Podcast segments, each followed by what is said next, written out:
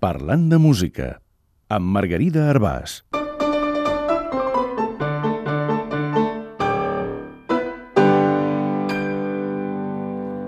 El xisto.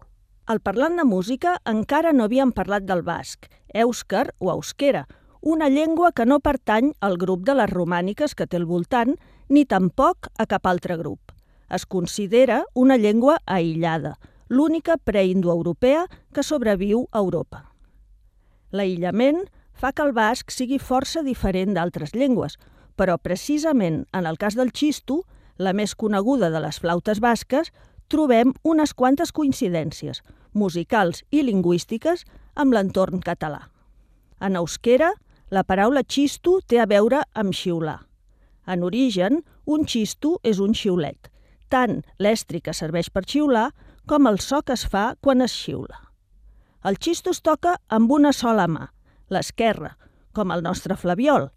Amb la dreta, el xistolari pica l'equivalent d'un tamborí, com a la nostra copla, en què el flaviol i el tamborí els toca la mateixa persona.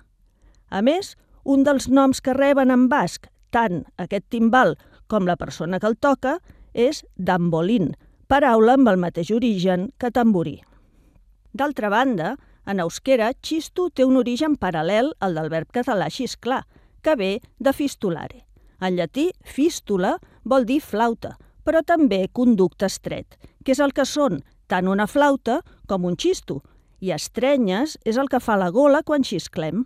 Fístula, xiscle i xisto són totes tres paraules d'origen expressiu que volen reproduir el so de l'aire quan passa per un conducte estret. Quan respirem, l'aire entra i surt del cos sense esforç, tret que algú intenti escanyar-nos. I si una cosa tenen en comú la cultura catalana i la basca, és haver sobreviscut a repetits intents d'escanyament. Potser per això, en tots dos casos, tant la música com la llengua són l'expressió d'un xiscle, d'un crit potent, i compartir experiències ens és tan necessari com respirar.